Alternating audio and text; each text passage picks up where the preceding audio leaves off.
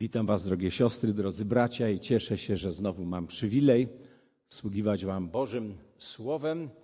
A chcę Wam powiedzieć, że po raz kolejny w swoim życiu czytam Księgę Jeremiasza, ponieważ staram się zawsze przeczytać Biblię w ciągu roku i niektórzy korzystają może z takiego planu i są być może razem ze mną w tej niezwykłej, ale bardzo trudnej księdze, bo to trudna e, i trochę smutna lektura, chociaż dalszej części potem e, zmienia się nastrój w tej księdze i zaczyna być tam coś wspaniałego, ale to już w okolicach 32 rozdziału.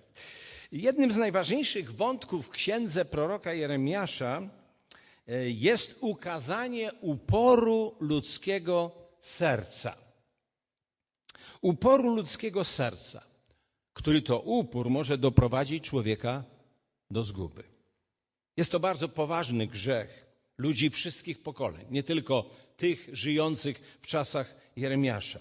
I myślę, że dzisiejsze Słowo Boże Bóg chce skierować do mojego i do Twojego serca również. Zobaczymy, jak to było najpierw za czasów proroka Jeremiasza, więc to jest przełom VII i VI wieku przed Chrystusem, gdzieś lata 627 do 586. To jest panowanie królów e, judzkich, e, Jozjasza, jego syna Jojakima, potem Sedekiasza, aż do uprowadzenia mieszkańców Jerozolimy i Judy do niewoli babilońskiej. W tym okresie historii narodu izraelskiego jesteśmy. Jak to wyglądało w czasach proroka Jeremiasza? Przeczytajmy fragment z siódmego rozdziału tej księgi. Księga Jeremiasza, proroka Jeremiasza, siódmy rozdział czytać będę, będę w tym najnowszym przekładzie ewangelikalnym. Oto słowo, które Pan skierował do Jeremiasza. Stań w bramie świątyni Pana i ogłaszaj tam to słowo. Słuchajcie słowa Pana, wy wszyscy Judejczycy, którzy wkraczacie w te bramy, aby pokłonić się Panu. Tak mówi Pan zastępów, Bóg Izraela. Poprawcie postępowanie. Czyńcie to, co właściwe. Wtedy ja sprawię, że pozostaniecie we własnym kraju. Nie wierzcie, gdy wam powtarzają świątynia Pana, świątynia Pana, tu jest świątynia Pana. Musicie przede wszystkim szczerze poprawić swoje postępowanie. Musicie zmienić na lepsze swoje czyny. Jeśli między sobą szczerze będziecie trzymać się prawa, jeśli nie będziecie krzywdzić cudzoziemców, sierot ani wdów, jeśli nie będziecie przelewać w tym kraju krwi niewinnej, ani czcić obcych bogów na własne nieszczęście, to wtedy rzeczywiście sprawię, że będziecie mieszkać w tym kraju, w ziemi, którą dałem waszym ojcom przed wiekami i na wieki. Jeremiasz prorok skierował słowa samego Boga do mieszkańców Judy i do mieszkańców Jerozolimy. Oni przychodzili do świątyni Pana. Oni przychodzili kłaniać się Panu w świątyni. Ale Pan Bóg nawołuje ich, jak czytaliśmy przed chwilą, do poprawy, do nawrócenia, do duchowej odnowy, do duchowej reformacji w ich życiu. Dzisiaj to słowo reformacja w ten weekend chyba będzie często używane w różnych nabożeństwach, spotkaniach i sympozjach. Jako, że jutro mamy dzień reformacji. Bóg nawoływał ich do przemiany ich postawy, ich czynów, mimo że chodzili do świątyni kłaniać się Panu. I Bóg dwa razy zapewniał, nie wiem czy zwróciliście uwagę w tym krótkim fragmencie, że kiedy go posłuchają, kiedy poprawią swoje czyny, wówczas Bóg obiecuje, że pozostaną w ziemi swoich ojców, w ziemi obiecanej. Pytanie brzmi, czy posłuchali Judejczycy i mieszkańcy Jerozolimy tego napomnienia Pana? Czytajmy dalej. Werset ósmy i dalej. Wy jednak słuchacie zapewnień, które są nieprawdą. Nie będziecie mieć z tego korzyści. Czy nie jest tak, kradniecie, mordujecie, cudzołożycie, składacie fałszywe przysięgi, spalacie kadzidło Baalowi, służycie innym bogom, których nawet nie znacie, a potem przychodzicie, stajecie przede mną w tej świątyni noszącej moje imię i mówicie: Jesteśmy cali i zdrowi, po to, by trwać przy swoich obrzydliwościach. Traktujecie tę świątynię noszącą moje imię, jakby była jaskinią zbójców. Owszem, ja to widzę, oświadcza Pan. Tak, przejdźcie się do Shilo. Tam kiedyś mieszkało moje imię. Zobaczcie, co uczyniłem z tym miejscem z powodu zepsucia mego ludu Izraela. A oto, co teraz was spotka, oświadcza Pan. Nie słuchaliście, chociaż was wciąż przestrzegałem. Nie odpowiadaliście, chociaż do was wołałem. Przeciwnie, postępowaliście jak dawniej, bez zmian. Dlatego uczynię z tą świątynią, na której tak polegacie i która nosi moje imię, oraz z tym miejscem, które dałem wam i waszym ojcom, to samo, co uczyniłem w Shilo. Odrzucę was od siebie, jak odrzuciłem wszystkich waszych braci, cały ród Efraima. A ty, Jeremiaszu, nie wstawiaj się za tym ludem. Nie przedstawiaj mi żadnej prośby. Nie zanoś za nim modlitwy. Nie nalegaj na mnie, gdyż cię nie wysłucham. Czy sam nie widzisz, co oni wyczyniają w miastach Judy i na ulicach Jerozolimy? Dzieci znoszą drewno, Ojcowie rozpalają ogień, a kobiety zagniatają ciasto i pieką placki na cześć królowej niebios. Wylewają płyny w ofierze obcym bogom, po to, aby mnie rozgniewać. Ale czy mi tym szkodzą? pyta Pan. Raczej sobie, bo ściągają na siebie tylko wstyd. Dlatego tak mówi wszechmocny Pan: wyleję na to miejsce mój gniew i moje wzburzenie. Wyleję je na ludzi, wyleję je na bydło, wyleję je na drzewa polne i na płody rolne. Mój gniew będzie płonął i nie zgaśnie. Przejmujący szczegółowy opis przejawów bałwochwalstwa jako jawnej i niczym nieskrępowanej niewierności wobec Boga przejmujący obraz. Obraz ludzi Boży, którzy chodzili do Bożej świątyni, ale odwracali się w rzeczywistości do Boga plecami. I ludzie się samo oszukiwali. Bo w dziesiątym wersecie czytaliśmy przed chwilą. Przychodzili do świątyni i powiedzieli, jesteśmy zdrowi, jesteśmy cali, wszystko jest w porządku, Panie Boże. Czujemy się świetnie. A więc i Ty, Panie Boże, mógłbyś się czuć świetnie, patrząc na nas. Ale nie było świetnie. Nie było w porządku. W jedenastym wersecie Bóg wyraźnie powiada, abyście zbezcześcili moją świątynię. Stała się jakby jaskinią zbójców, bo przychodzicie, by fałszywie oddawać mi cześć, a następnego dnia idziecie i kadzicie Baalom i kłaniacie się bożkom. A przecież pierwsze przykazanie jakie Bóg dał narodowi, jak brzmiało?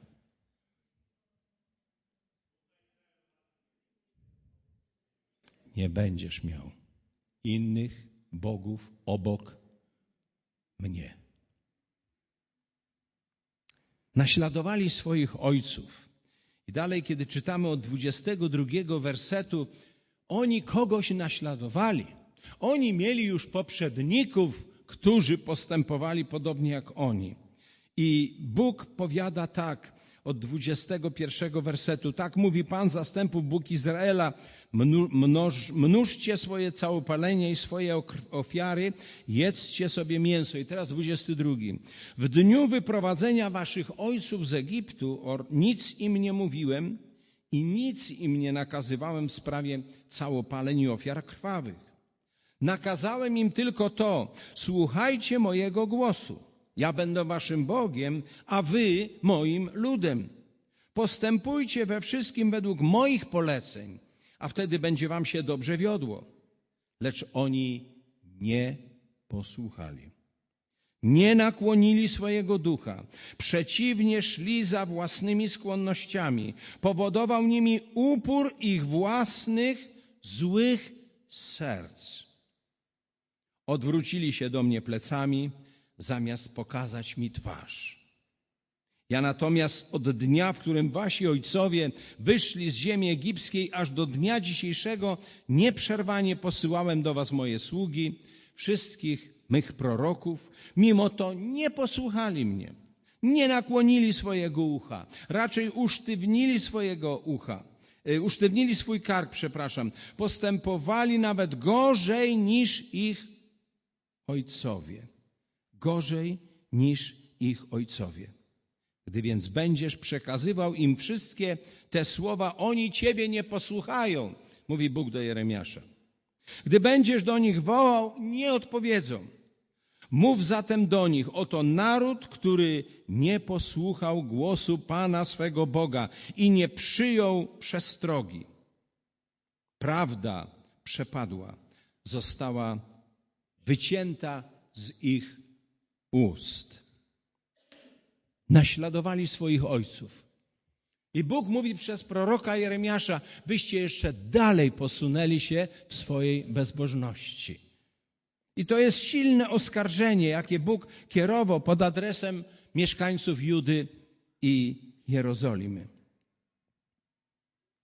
I Bóg uprzedzał ich przez proroka, że odrzuci ich i nie wysłucha ich wstawienniczych też modlitw Jeremiasza nie weźmie pod uwagę. I ten dwudziesty werset, który czytaliśmy wcześniej, jest bardzo przejmujący.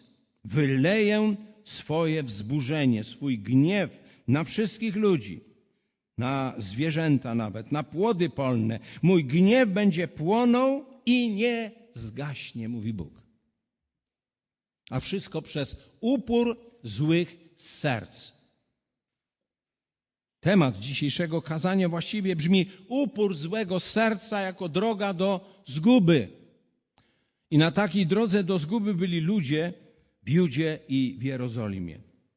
Pytanie brzmi, dlaczego wina Judy i Jerozolimy była tak poważna i wzbudzała tak wielki gniew Boga? Kiedy przerzucimy dwie kartki dalej, w tej samej księdze Jeremiasza, przeczytamy tam takie oto słowa. Oto słowo, które Pan skierował do Jeremiasza. Słuchajcie słów przymierza, przekażcie je mieszkańcom Judy i Jerozolimy. Powiedz im, tak mówi Pan Bóg Izraela, przeklęty, kto nie dochowuje warunków przymierza. Zawarłem je z waszymi ojcami, gdy ich wyprowadziłem z Egiptu, z tego pieca do wytopu żelaza. Powiedziałem im, słuchajcie mojego głosu i czyńcie to wszystko, co nakazuję wam. Wtedy będziecie moim ludem, a ja będę waszym Bogiem. Dotrzymam też, też przysięgi, którą złożyłem waszym ojcom. Obiecałem, że dam im ziemię opływającą w mleko i miód, jak to jest dzisiaj. A ja odpowiedziałem, dobrze, panie. Następnie pan powiedział do mnie, głoś wszystkie te słowa w miastach judzkich i na ulicach Jerozolimy. Mów, słuchajcie słów przymierza, dochowujcie go. Dochowujcie go. I tak dalej, i tak dalej. Bóg przypominał im o przymierzu, jakie zawarł z ich ojcami. Bóg obiecał, że wprowadzi ich do ziemi obiecanej. I Bóg dotrzymał swojego przymierza. On dochował przysięgi, bo wprowadził naród i teraz mieszkają w swojej ziemi. Ale Bóg mówi, jeśli się nie nawrócicie, nie zmienicie swojego postępowania, będziecie musieli opuścić ziemię swoich ojców i pójdziecie na wygnanie. Już wcześniej Izrael już, już znalazł się w niewoli asyryjskiej, a teraz to są dni ostatnie przed pójściem do niewoli w Babilonie. Bóg dotrzymał słowa, a oni, ojcowie Izraela i Judy, zlekceważyli. Jednak to przymierze. I tam potem w dziewiątym i w dziesiątym wersecie możemy przeczytać, nawet zawiązali przymierze z przysiężeniem, i ostatecznie zdecydowała Juda i mieszkańcy Jerozolimy: zerwiemy przymierze z Bogiem. Definitywnie zrywamy z naszym Bogiem. Dlatego Bóg powiedział od jedenastego wersetu: Dlatego tak mówi Pan. Oto ja sprowadzę na nich nieszczęście. Nie zdołają się z niego wyplątać. Będą wołać do mnie, lecz ja ich nie wysłucham. Udadzą się też mieszkańcy miast Judy i Jerozolimy do bogów, którym spalali kadzidła. Będą do nich wołać, lecz oni ich nie ocalą w czasie ich nieszczęścia, w czasie nieszczęścia. Bo ile jest Twoich miast, Judo, tylu jest Twoich bogów. Ile jest ulic w Jerozolimie, tyle postawiliście ołtarzy dla czegoś, co jest wstydem ołtarzy, by spalać kadzidła Baalowi. Jeszcze raz zobaczcie, co Bóg mówi do Jeremiasza.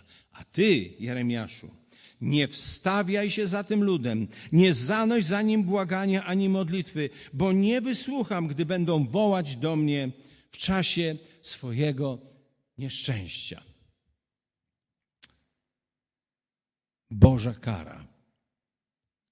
Boża kara. I tutaj dotykamy, bracia i siostry, poważnego problemu. On się nazywa grzechem złego uporu, złego serca. Jestem jeszcze w księdze Jeremiasza, ale już znalazłem siedem razy frazę, że oni mieli w sobie upór złego serca. I to powodowało ich odstępstwo od Boga. Czymże jest grzech? Uporu złego serca. To przede wszystkim bunt wobec Boga, bunt i sprzeciw wobec Jego przykazań i nakazów. W Biblii mamy inne określenia synonimiczne. Czasem mówimy o krnąbrności, że ktoś ma krnąbrne serce, albo czasem w Biblii czytamy, ktoś ma zatwardziałe serce. A więc to ktoś, kto jawnie i w sposób bardzo świadomy odwraca się do Boga plecami, totalnie lekceważąc Boga. Tak było w czasach proroka Jeremiasza. Tak było w czasach proroka Jeremiasza. Skończyło się to niewolą w Babilonie. Ale apostoł Paweł kiedyś napisał to, co przedtem napisano dla naszego pouczenia, dla naszego ostrzeżenia napisano. Bo co nam Bóg chce dzisiaj powiedzieć, nam, chrześcijanom XXI wieku? Czy dzisiaj czasem nie zmagamy się z tym problemem, że dopada nas upór naszego złego serca? Tak jak tamci, oni chodzili do świątyni, pozornie wydawało się, chwalą Boga. Czują się świetnie przed Bogiem świątyni ale nie było dobrze. Było bardzo źle, jak to jest dzisiaj. Jak to może się zdarzyć wśród nas, ludzi wierzących, którzy przychodzimy tutaj, wielbimy Pana, cieszymy się Bogiem? Czy może nas dopaść upór złego serca? I kiedy to się dzieje? Ano wtedy, kiedy totalnie lekceważę jakąś albo jakiejś zasady Pisma Świętego. Mówię Pismo Święte, Słowo Boże, my szanujemy Słowo Boże. Dla nas Pismo Święte jest najważniejsze. Ale pytanie brzmi, czy wszystkie przykazania spełniamy? Jeśli Biblia mówi, przebaczajcie sobie, jak Bóg wam wybaczył w Jezusie Chrystusie, a czasem mówimy, nie przebaczę, nie daruję, nie zapomnę. Jeśli Biblia mówi, miłuj swoją żonę jak Chrystus Kościół, a ktoś czasem mówi, ale ja jej nie kocham. Ja już kocham inną. Jeśli Biblia mówi do dzieci, bądźcie posłuszne rodzicom swoim, a dzieci, młodzież, powiada, moi starzy są głupi, nic nie rozumieją, nie będę ich słuchać. doczekam tylko 18 roku życia i moja noga już tu w ich domu nie stanie. Co to jest? Miłujcie nieprzyjaciół waszych. A, miłujcie. Biblia sobie, a nasz upór złego serca czasem sobie. I sprzeciwiamy się Bogu. I kiedy sprzeciwiamy się Bożym przykazaniom, to też i sprzeciwiamy się i nie uznajemy autorytetu tych, którzy w imieniu Pana głoszą Słowo Boże. Co czekało Jeremiasza? Na ile on był upokorzeń, narażony łącznie z niebezpieczeństwem utraty życia? Mówił ludziom prawdę, a ludzie mówili, zabijmy go, bo nie możemy już jego słuchać. Ale to nie on mówił, ale Bóg mówił. A my, ponieważ czasem mamy pokusę, by jakimś zasadom Pisma Świętego, które dla nas są niewygodne, sprzeciwić i powiedzieć, wszystko inne tak spełniam, ale tu nie, sorry, Panie Boże, wybacz, ale tego nie. To jest wtedy upór mojego złego serca. Jeśli mój duszpasterz czasem zwraca mi uwagę, czy modli się, czy prosi, prosi, żebyś przemyślał, czy przemyślała, żebyś zmienił albo zmieniła swoje postępowanie, bo idzie w złym kierunku. Co ty mnie będziesz uczył, bracie? Młody jesteś na przykład. Mógłbyś być moim synem, a co to ma do rzeczy? Jeżeli przez młodego pastora, kaznodzieję, duszpasterza Bóg do ciebie mówi, usłysz Boga w tym. Bo Bóg nas powołał do tego, żeby nie mówić w swoim imieniu. I my nic nie znaczymy, ale znaczymy tylko o tyle, że jesteśmy powołani przez Boga, by w Jego imieniu mówić. Nie lekceważ, kiedy Bóg do ciebie mówi. Albo jest młody, a ten co za stary, a ten to już nie dzisiejszy. Szanujcie przewodników waszych, którzy wam głoszą Boże, Boże Słowo i okazujcie im cześć. A jaki to kaznodziej, jaki to pastor? Czy to nie jest upór naszego złego serca, który może, może się w taki sposób ujawnić? Ileż razy próbujemy zagłuszyć głos sumienia. Wiemy, że coś jest nie tak. Wiemy, że zawiniliśmy, wiemy, że trzeba sprawę uporządkować, ale gdzieś w środku słyszymy ten głos: Nie, nie, jeszcze nie teraz. I robimy wszystko, żeby zagłuszyć nasze sumienie. Co to jest? To jest upór złego serca. Idź, pojednaj się, idź, przeproś, idź, przyznaj się. Nie, nie i nie. Niech ona to zrobi, niech on to zrobi pierwszy. Czy nie ma czasem takich sytuacji w naszym życiu? To jest upór złego serca. I stąd potem pielęgnujemy w sobie nieprzebaczenie, urazy, jakąś poczucie krzywdy, czasem wręcz nienawiść do kogoś albo jawną niechęć i uporczywie nie przyznajemy się do swoich grzechów, do swoich win. A jeśli tak jest, to nie ma pokuty. I przychodzimy jak Judejczycy kiedyś do kościoła i mówimy, aleluja Panie, fajnie jest, dobrze, czujemy się dobrze, jest fajnie, jest okej. Okay. Jak czasem się pytamy, jak tam u Ciebie? No wszyscy zawsze mówią okej. Okay. Jak ktoś mówi, że nie jest okej, okay, to to jest wtedy wielkie zdziwienie. No bo jakoś tak niepolitycznie ktoś powiedział. Ale czasem ktoś ma odwagę być szczery i powiedzieć, bracie, nie jest u mnie okej. Nie jest u mnie okej. I trzeba mieć odwagę stanąć przed Bogiem w prawdzie i powiedzieć: Nie jest. Okay.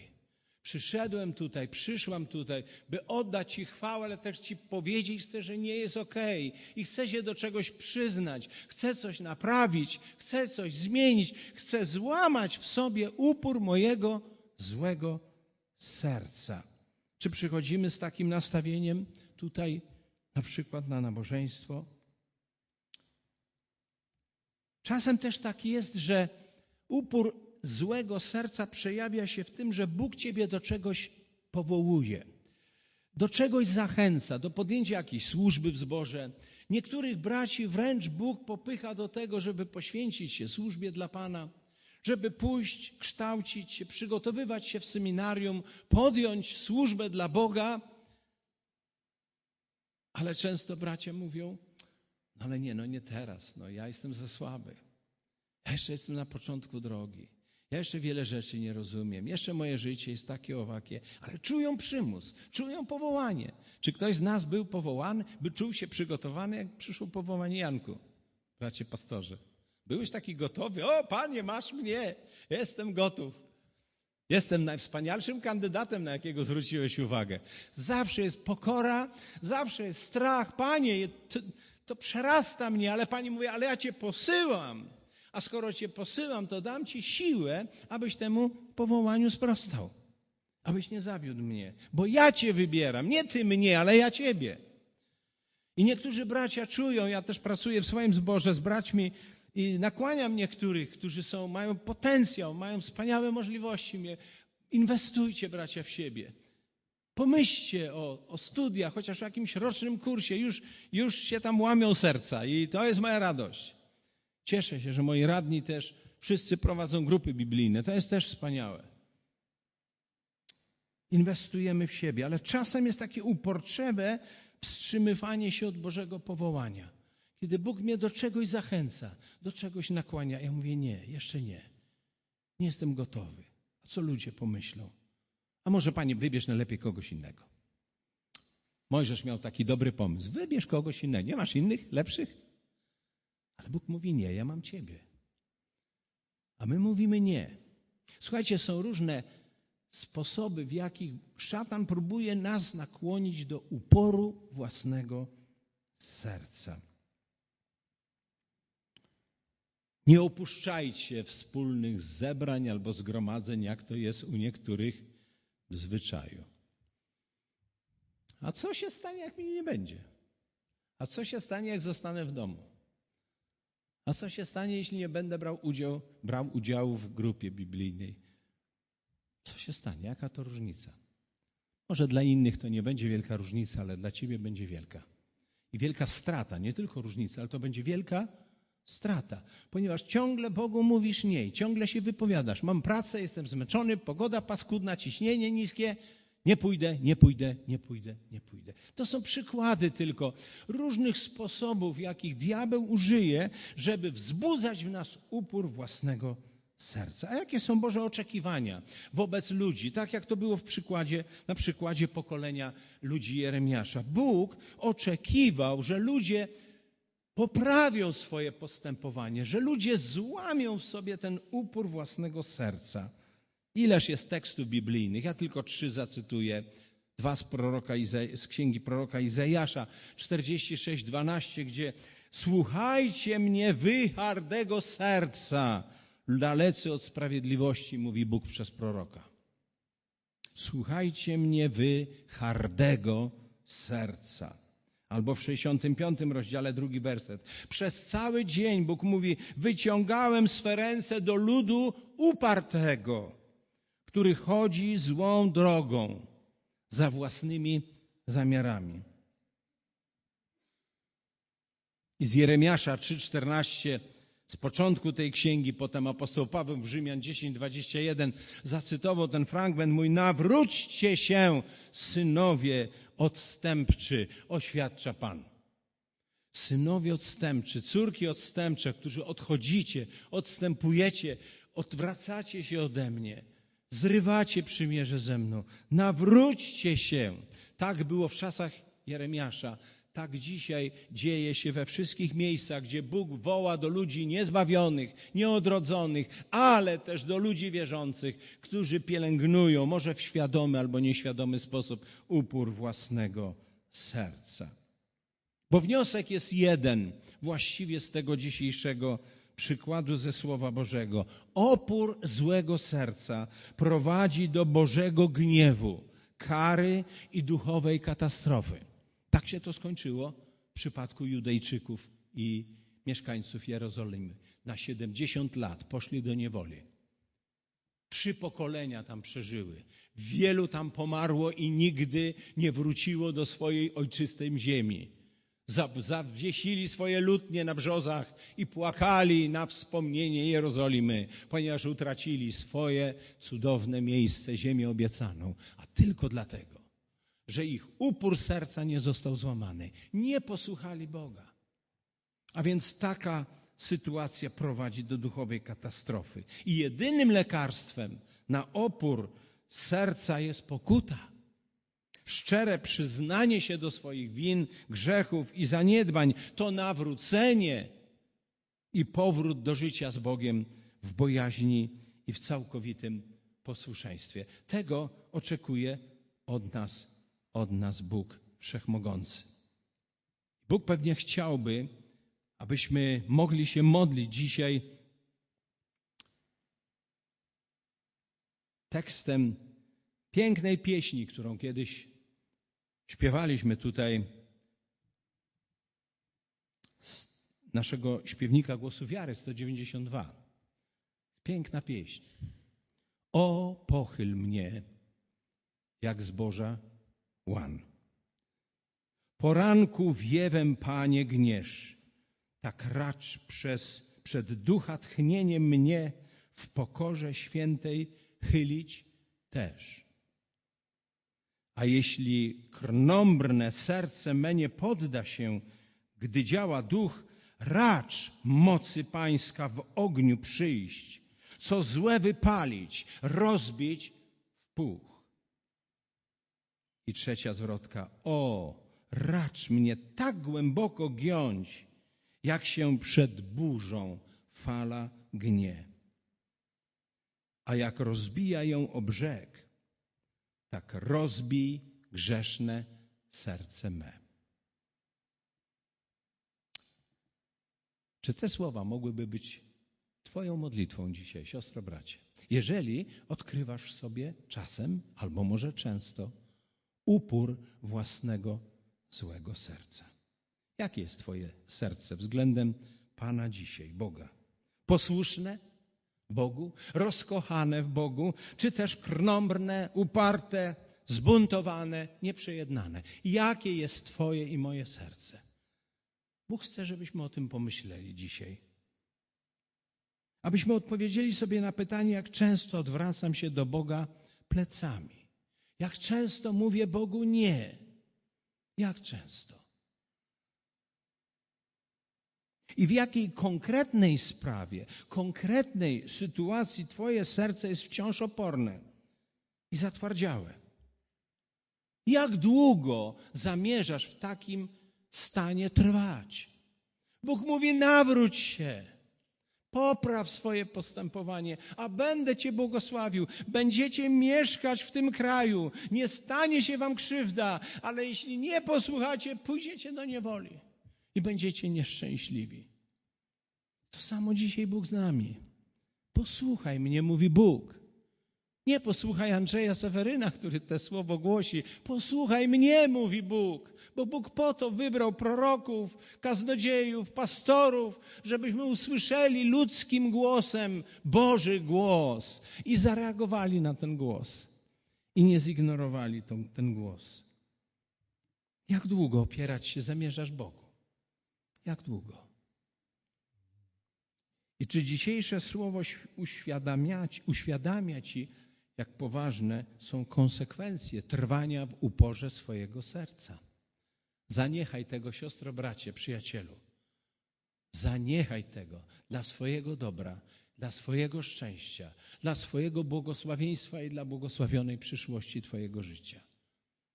I zakończę cytatem z Hebrajczyków 3, 7 do 8, gdzie jest powiedziane to znane nam słowo. Dzisiaj, jeśli usłyszycie mój głos, nie zatwardzajcie albo nie znieczulajcie swoich serc.